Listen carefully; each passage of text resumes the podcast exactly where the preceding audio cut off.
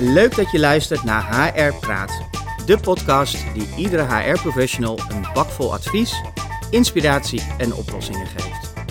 Er wordt vooral veel geroepen dat opleidingen vandaag de dag niet goed aansluiten bij de praktijk. En dit is nou precies waar Margaret als specialist op het gebied van onderwijsontwikkeling en loopbaanadviseur genoeg over te vertellen heeft.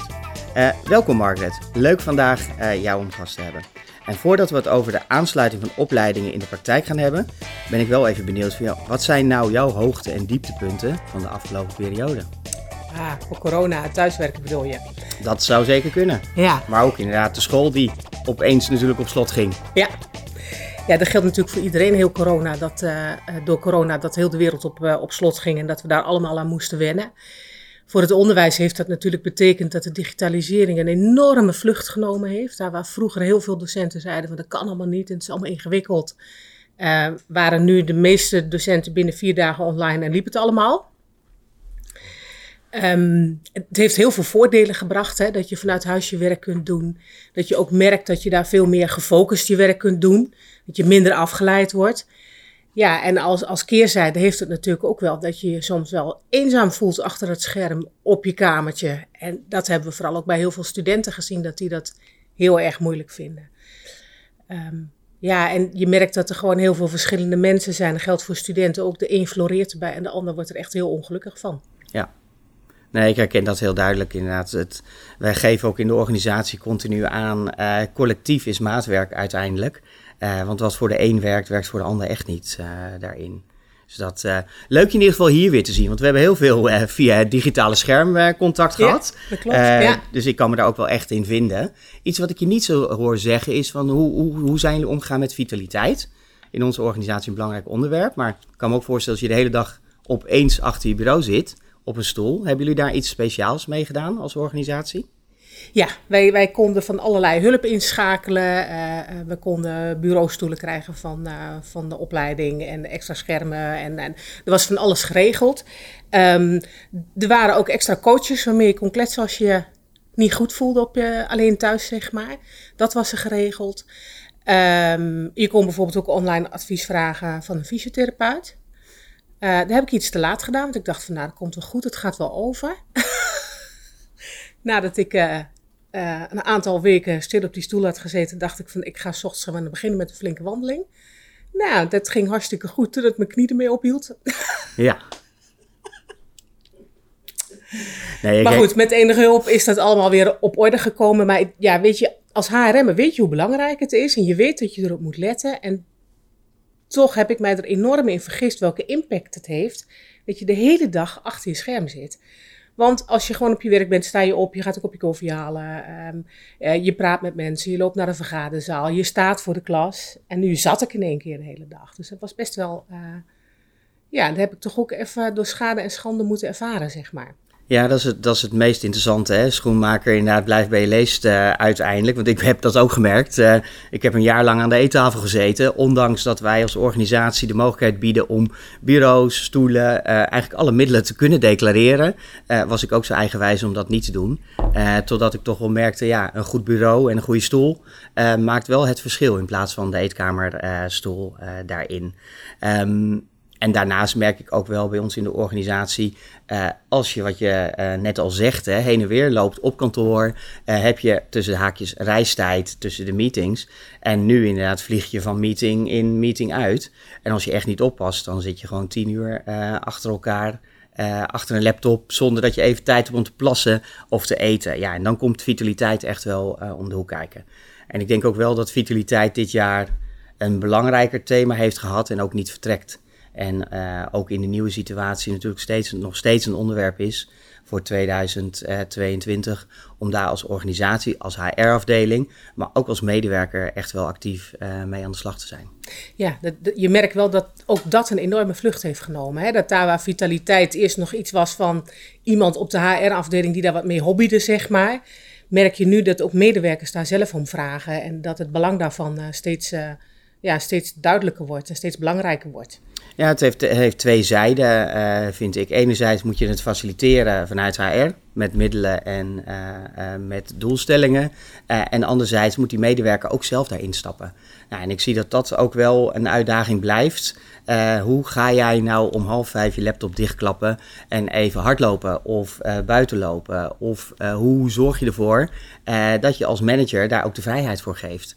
Nou, dat zijn wel nieuwe thema's die nu ontstaan in de wereld. Ik heb daar voor mezelf toch wel een paar dingetjes voor gevonden door het gewoon in mijn agenda te zetten.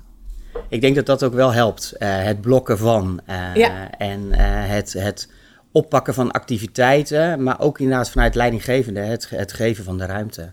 Ja, en je bent heel snel geneigd om voor je afspraken een uur te pakken of een half uur. En in, ja, wij werken dan met teams en dan kun je gewoon instellen dat hij dat automatisch op 50 minuten zet. En dan heb je toch nog even tijd om op te staan en toch die kop koffie te pakken. En, of gewoon eventjes uh, de trap op en af te lopen of zo, wat ik wel eens doe. Ja, dus dat. Nou hoor ik je één ding niet zeggen, ons gezamenlijk hoogtepunt. De accreditatie van de opleiding. Ja. Ja, en dat ondanks corona. Want ja. dat, ook dat ging digitaal. En dat was heel erg wennen. Het, de, de NVAO, het Nederlands-Vlaams accreditatieorgaan, zoals dat zo mooi heet ja, die is echt wel een beetje van de oude stempel. Dus voor hen was het heel erg wennen om dat ook allemaal digitaal te doen.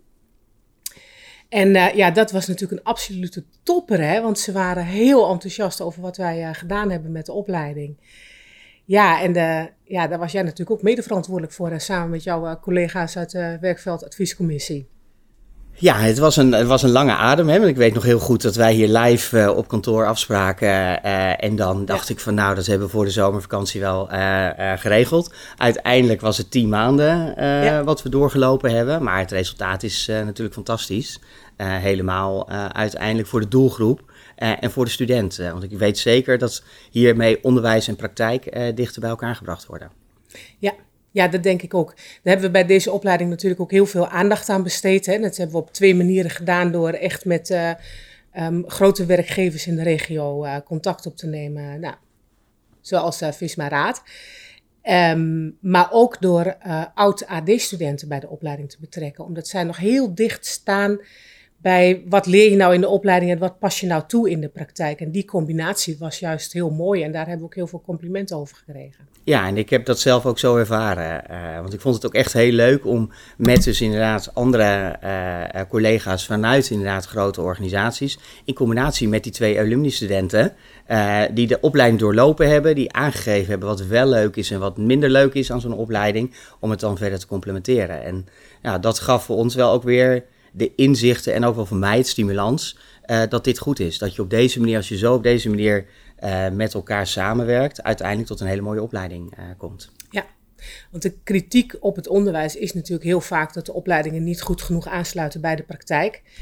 En eigenlijk is het ook gewoon onmogelijk om dat te realiseren, omdat elke organisatie stelt weer andere eisen aan afgestudeerden. En daar waar je bijvoorbeeld vroeger in de techniek, maar ook in de automatisering in de aanvang hadden heel veel organisaties bedrijfsscholen. Waarin ze zeiden van nou, als mensen dat niveau hebben, dan zorgen wij wel dat ze verder de kennis krijgen die, die ze in onze organisatie nodig hebben. Verwachten nu bedrijven ook echt dat ze kant-en-klaar mensen aangeleverd krijgen. Ja. Terwijl dat gezien de, uh, de snelheid van de ontwikkelingen zoals op dit moment zijn, gewoon eigenlijk wel onmogelijk is. Hè? Want dat is ook een van de problemen van het onderwijs. Hoe langer jij in het onderwijs zit, hoe verder je van die praktijk af komt te staan. En als je dat als docent-ontwikkelaar durft te erkennen, zeg maar, dat je dus die praktijk nodig hebt om die goede match te maken, ja, dan denk ik dat het wel goed gaat. Ja, dat vond ik ook wel het leuke van die accreditatiecommissie. Uh, want ik vond het ook best spannend hè, dat we alles voorbereid hebben en dan naar een officiële commissie uh, uh, moesten met vragen beantwoorden. En dan zie je ook wel dat we op de juiste route waren. En dat zij ook echt vragen stelden over: oké, sluit deze theorie aan uiteindelijk bij de praktijk. En zien jullie mogelijkheden en kansen voor deze afgestudeerden zometeen om in een organisatie door te groeien? Nou, dat vind ik ook wel een compliment, denk ik, van de hele samenwerking die we met elkaar opgepakt hebben daarin. Ja. Nou, het mooie natuurlijk voor de AD HRM, eh, die lijkt natuurlijk ook op voor recruiter. En uh, gezien corona dachten we dat die hele markt in zou storten. En het is nu het kansberoep uh, binnen de economische sector, zeg maar. Dat kwam van de week bij de, bij de UWV-onderzoeken naar ja. boven. En ik had al lang gehoord dat het enorm moeilijk is om, uh, om recruiters te vinden. Ja, en de studenten die van deze opleiding afkomen, die, die kunnen dat gewoon. Nou, en dat is denk ik ook, het is nu een volwaardig vak. geworden. En daarmee dus ook een volwaardige opleiding, waarmee we echt inspelen op de arbeidsmarktbehoeften. ja. Ehm, binnen het onderwijs staat leren natuurlijk altijd centraal. Hè? Dat is de kernboodschap uiteindelijk waarom iemand daar naartoe gaat. Um, leren gaat niet alleen maar met ik neem theorie tot me en ik kom uiteindelijk goed, door de, goed door de stof heen. Maar leren betekent ook fouten maken. en weer opstaan en weer hernieuwd doorgaan daarin. Als je nou kijkt inderdaad naar jouw hele loopbaan, waarvan kan je dan zeggen, ja, maar als ik dat ooit anders had gedaan, dan had ik dat toch echt wel anders gedaan met de wetenschap die ik nu heb. Ja, oh, dat is een goeie. Ja, nou, ehm, toen ik nog een stuk jonger was, dacht ik altijd dat de wereld verging als ik ziek zou worden of mijn werk niet meer zou kunnen doen. En de oorzaak daarvan is natuurlijk vaak een hele enorme betrokkenheid die je hebt bij de organisatie en bij je werk en een heel groot verantwoordelijkheidsgevoel. Maar dat had ik in het begin van mijn loopbaan niet zo door. En ik zat altijd vol met werk en ehm, ik had niet het gevoel dat ik dat op een gegeven moment ook een beetje zelf zat te organiseren. Dus ik werd naar een time management cursus gestuurd. En daar was ik echt wel lichtelijk geïrriteerd over. Hoor. Dat ik vond dat allerlei mensen werk op mijn bord schoven en dat ik naar een cursus moest. Dus ik zat ook niet al te vrolijk in die cursus. En uh, ook een beetje mopperig en zo. En ja, het was echt een geweldige trainer die daar zat. Die zat gewoon zijn verhaal te doen, liet ons allerlei opdrachten doen. En terwijl hij een verhaal had gedaan, um, zei hij op een gegeven moment tegen mij van ja, Margaret, je kan ook nee zeggen. En vervolgens ging hij door met zijn verhaal. En ik dacht, hè? Toen dacht ik, oké, ik kan zelf aan het stuur gaan zitten. Dat is ook wel iets wat ik studenten heel snel probeer mee te geven. Hè? Dat je kijkt van nou, er ontstaat een bepaalde situatie waar je last van hebt. En wat kan je daar nou zelf aan doen? Want vanaf het moment dat je het gevoel hebt dat je zelf controle hebt, ja, dan gaat het beter. En als je het gevoel hebt dat je de controle verliest, ja, dan wordt het allemaal steeds lastiger en moeilijker. Maar dat mogen studenten in zo'n opleiding leren. Hè? Dan mag het ook fout gaan.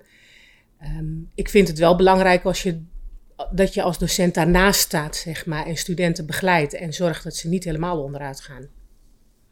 Want er wordt wel eens gezegd van je fouten leer je het meest. Maar ik zie toch ook wel dat je van fouten soms heel bang kan worden, heel onzeker kan worden. En dan leer je er niet van. Dan is het eigenlijk alleen maar een belemmering. En ik vind mijn taak als docent om dat zoveel mogelijk te voorkomen. En wat geef jij dan? Geven jullie daar speciaal aandacht aan tijdens de opleiding? Dat, dat fouten maken mag, hè? Dat falen niet gelijk paniek is, dat er iets misgaat. En uh, dat uh, je uiteindelijk denkt van, ja, maar dit is echt heel... Dit, ik, ik zie eigenlijk door de boom het bos niet meer, hè? Want wij merken dat ook in de organisatie. Mensen soms ook verstarren uh, door, door angst of paniek op dat vlak. Ja, bij de HU wij, gebruiken wij um, het principe van leerteam leren. En dat zou je nog het meest kunnen vergelijken met een soort uh, intervisiegroep of zo. Waarin we met een groep studenten kijken van, nou, hoe ben je nu bezig met de studie? Wat gaat er goed, wat gaat er niet goed? Wat begrijp je al? Um, en studenten krijgen heel veel feedback. Dus ze leveren een stuk in, dan geven wij feedback en dan kunnen ze dat verbeteren. En daarmee hopen wij ze ook voor te bereiden op die praktijk, waarbij het ook nooit in één keer goed gaat. Dat je constant blijft verbeteren. En um, dat doen wij eigenlijk wel in plaats van allerlei kennistoetsen. Omdat kennis zo snel veroudert, hebben wij echt de focus liggen op dat ze uh, goed leren zoeken waar informatie te vinden is. Hè. En dat kan zijn best practices van andere organisaties of van oud-studenten die je kent of noem maar op. Hè. Uh, nieuwe theorieën zoeken, kijken van nu heb ik een probleem, wat past daar het beste bij? En natuurlijk moeten ze een bepaalde basiskennis hebben. Hè. Ze moeten een bepaalde basis uit het arbeidsrecht moeten ze kennen. Um, maar het is veel belangrijker dat ze weten, als er een arbeidscontract ligt, dat het voldoet aan alle voorwaarden, dan dat ze op kunnen sommen ja. waaraan het moet voldoen, zeg maar. Ja, dat past zeker ook bij de praktijk hoor. Dat, dat in onze organisatie zie je dat ook. Snel fouten maken mag, hè. Dat, die, die ruimte geven we ook daaraan. Uh, maar uh, los het dan ook op. En uh, dus ga ook snel weer verder met de volgende stap. In plaats van te wachten dat iemand anders het voor je gaat oplossen. Uh, daarin. En daar leer je van uh, uiteindelijk. Ja, van je eigen fouten verbeteren leer je volgens mij het meest. Ja. ja. Nee, dus dat, dat merk je. En soms word je er heel ongelukkig van, merk ik in coaching van gesprekken met medewerkers. Maar ik denk uiteindelijk wel dat het je verder helpt in je volgende stap. Ja.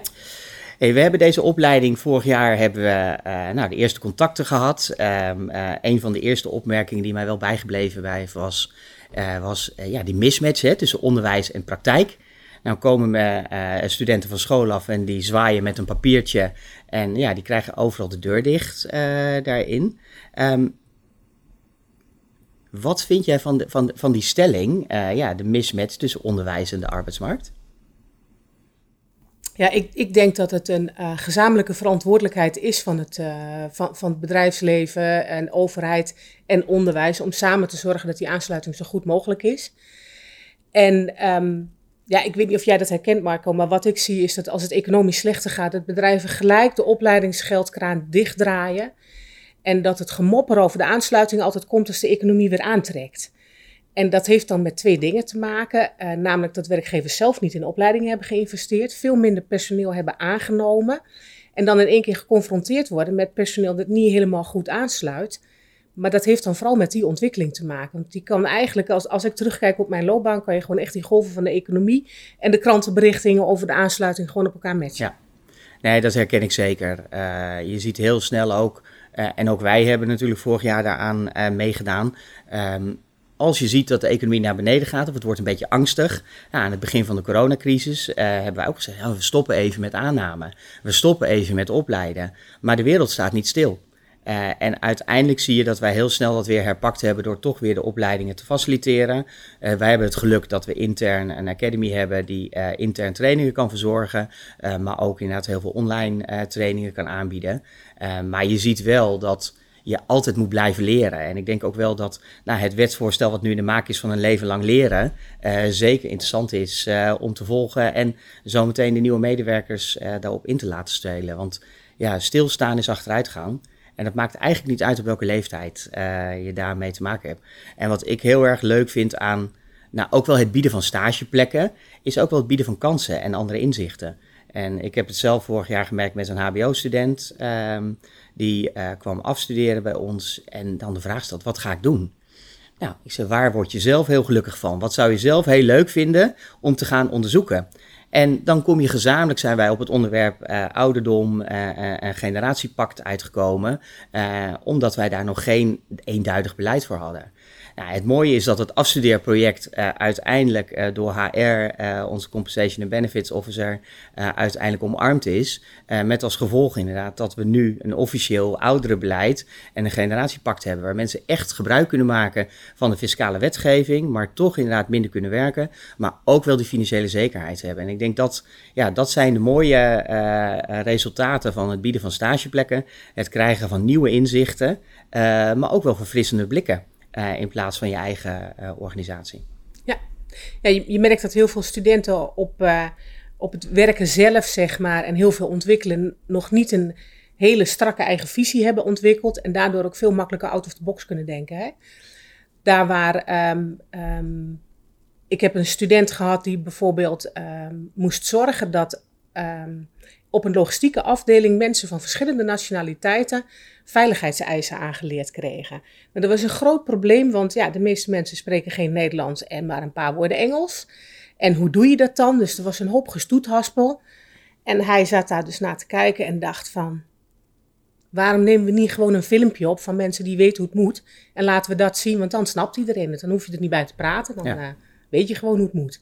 Nou, dat klinkt een beetje simpel, maar dat heeft wel te maken met dat zo'n student nog niet uh, denkt dat leren iets is waarbij iemand voor de klas staat, zeg maar. Dus die kijkt daar gewoon heel anders naar.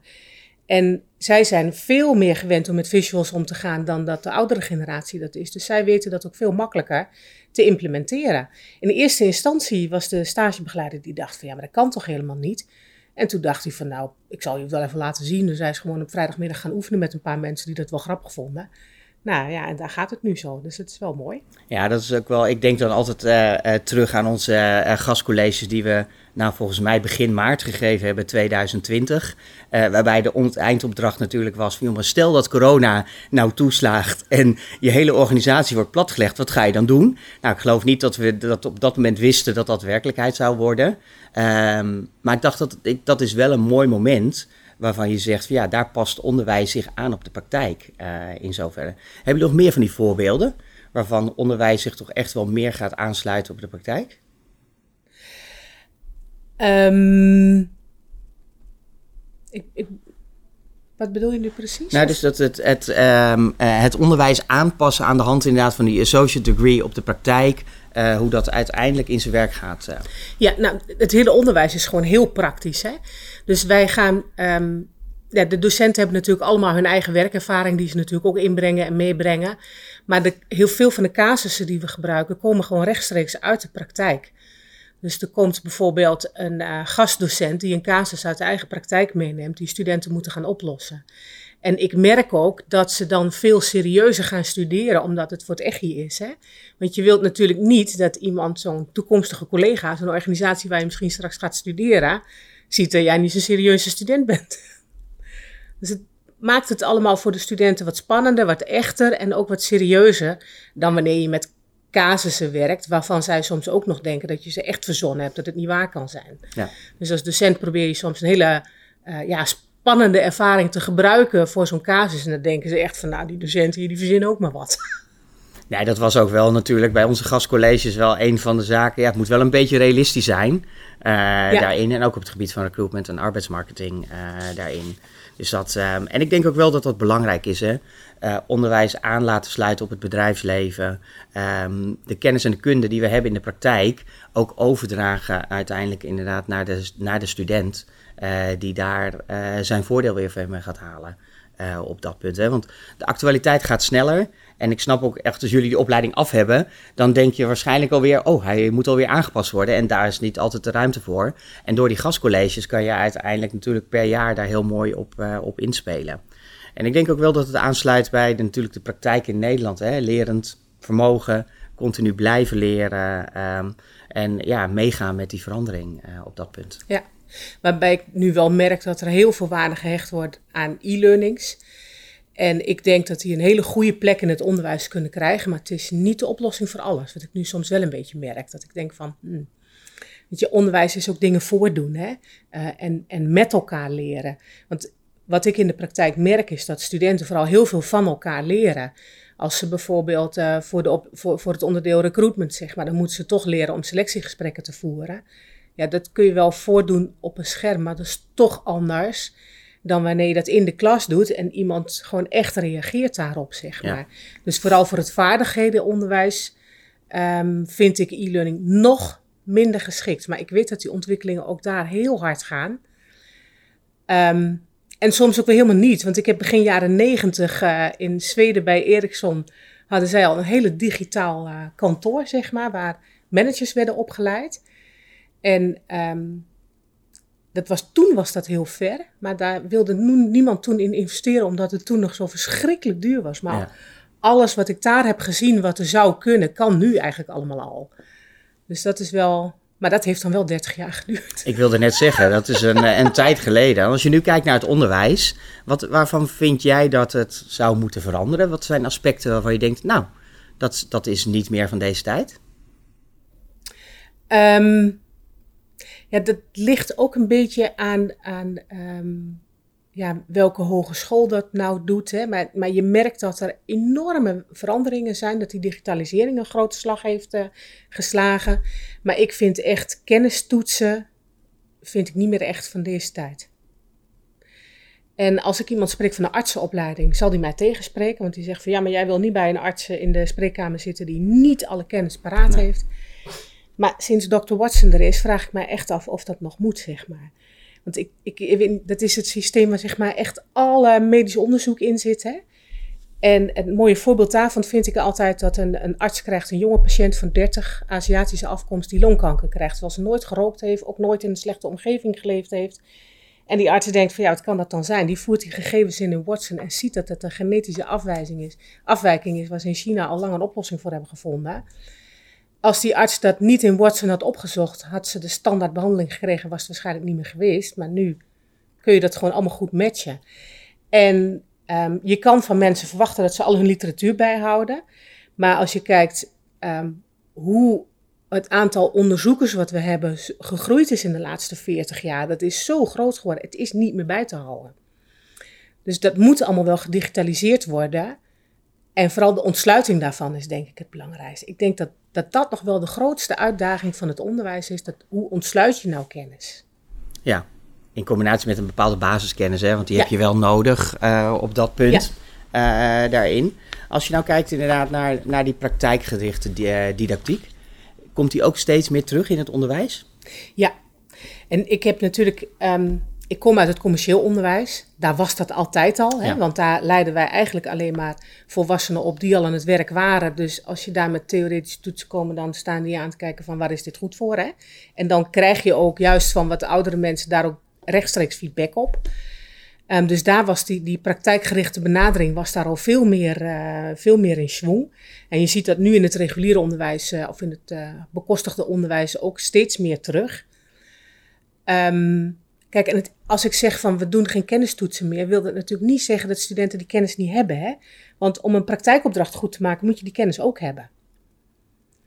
Alleen moet je snel weten hoe je die kennis moet zoeken en hoe je die moet interpreteren en hoe je die moet toepassen, zeg maar. Dus eigenlijk leg je daar twee lagen bovenop. Ja. Ja, ik merk dat heel duidelijk bij mijn zoontje op de basisschool. Dan laten ze heel veel werkstukken maken uh, over een bepaald onderwerp. En dat moeten ze dan met een samenvatting uh, uiteindelijk presenteren. Nou, en dan zie je dat het een soort praktijkachtige omgeving wordt, zonder dat een leraar uh, uitlegt wat is nou de theorie die je daarvoor nodig hebt. Maar zegt, veel, ga het zoeken en maak er inderdaad een hele mooie samenwerking van uh, op dat punt. Ja, en wat wij bijvoorbeeld ook merken is dat uh, um, studenten die bijvoorbeeld van het mbo komen, zijn niet de studenten die nou gewoon een dikke pil gaan lezen om eens allerlei theorieën uit te gaan vlooien. Terwijl als wij een praktijksituatie tegen ze aanleggen, dat snappen ze vrij snel, dat kunnen ze snel oppakken. En als je dan na de theorie er tegen aanlegt, dan zeggen ze: Oh, bedoel je dat? Dus het is ook soms een benadering. Soms helpt het om dingen net om te draaien, om het voor de verschillende studenten allemaal toepasbaar te maken. Want havisten zijn veel meer die pakken zo'n theorie sneller op en kunnen zich daar sneller iets bij voorstellen, maar vinden het moeilijker om aan het werk te gaan. Wij merken bijvoorbeeld dat studenten het heel ingewikkeld vinden om een telefoongesprek te voeren. Ja. En uh, ook een, uh, een online gesprek doen ze toch het liefst met de camera uit. Ja, en dat zijn wel nieuwe uh, ideeën. Ik zeg tegen mijn dochter ook heel vaak inderdaad, maar die telefoon kan ook bellen. die heeft meer dan alleen internet daarop zitten. Dus dat is wel ook wel een, een, een nieuwe trend die je daarin ziet. Um, ik zie heel duidelijk inderdaad, als je tussen de 30 en de 50 uh, jaar bent, dan is er geen veldje aan de horizon uh, uh, uiteindelijk. Maar daarbuiten die ranges zie je toch ook wel inderdaad dat het lastig is. Hè? Hoe zou nou onderwijs het bedrijfsleven kunnen helpen in omscholing van waardevolle krachten? Um, want dan zeg je de groep jongeren is kwetsbaar en de groep ja, ouderen is kwetsbaar. De groep jongeren en de, en de, groep ouderen, even tussen ja. haakjes ja, ja. daarin. Ja, laten we, want ja, weet je, wij weten, wij weten alle 250-plussers hebben het gewoon heel moeilijk op de arbeidsmarkt als ze geen werk hebben. Um, en dat heeft gewoon met grote vooroordelen van ons te maken. Hè? En die hebben wij vooral tegenover jongeren en tegenover ouderen. Hè? Want van jongeren denken we dat ze niks kunnen. En van ouderen denken we dat ze niks meer kunnen. En het is alle twee niet waar. Um, ik, ben, um, ik ben eigenlijk een heel groot voorstander van om juist de capaciteit van mensen die al een hele grote werkervaring hebben, om die in te zetten om juist die jongere mensen um, een goede plek op die arbeidsmarkt te geven. Vroeger we, noemden we dat gewoon mentoring, geloof ik, hè? Ja. Er werden vroeger hele boeken over geschreven over hoe je dat aan moest pakken. Maar toen had je gewoon, gingen mensen langzaam richting hun pensioen. En dan gingen zij zich vooral bezighouden met het helpen van die jongeren om hun plek te vinden binnen de organisatie. Uh, vooral soft skills oefenen. Hè? Hoe krijg je nou iets van je leidinggevende gedaan? Of hoe krijg je nou dat mooie project wat jij doet goed verkocht in de organisatie? En daar zijn ouderen natuurlijk vaak veel beter in, omdat zij dat allemaal al lang meegemaakt hebben en daar al hun fouten in gemaakt hebben. En als je nou, die als je nou dat combineert, hè, door die ouderen met de jongeren veel meer in contact te brengen, kunnen die ouderen juist die digitalisering van die jongeren veel makkelijker oppakken. En ik denk dat je dan een hele goede kruisbestuiving zou hebben. En dat volgens mij is dit de beste manier om dit te doen, is gewoon leren op de werkplek. Ja, nee, dus dat, dat, daar sluit ik mij volledig bij aan. Uh, ja. En ik denk dat dat ook wel het antwoord is. Uh, en op de arbeidsmarktschaarste, uh, maar ook ja, toch inderdaad wel weer terug hè, naar praktijk en theorie bij elkaar inderdaad samenvoegen. Ja, En ik denk ook dat werkgevers die uh, zeg maar toch een gebrek hebben om, uh, of, of, moeite hebben om mensen te vinden, dat die toch ook niet altijd goed zoeken. Hè? Ik had bijvoorbeeld, ik probeer studenten heel erg bewust te maken van, uh, van onze oordelen en vooroordelen. En ze liepen stage en ik vroeg van wie van jullie heeft er op de stageplaats te maken gehad met discriminatie? Nou, eigenlijk niemand, dachten ze. En dan is de volgende vraag die ik stel van hoeveel mensen van ouder dan 50 hebben jullie aangenomen? Zeggen ze ijskoud van, nee maar die worden er door het systeem automatisch uitgefilterd. Ja. En terwijl ze dat dan zeggen en mijn verbazing zien, die ik wel een beetje speel dan, maar dan snappen ze in één keer wat er gebeurt. Hè? En, en dan praat je ook over discriminatie die geïnstitutionaliseerd is. Hè?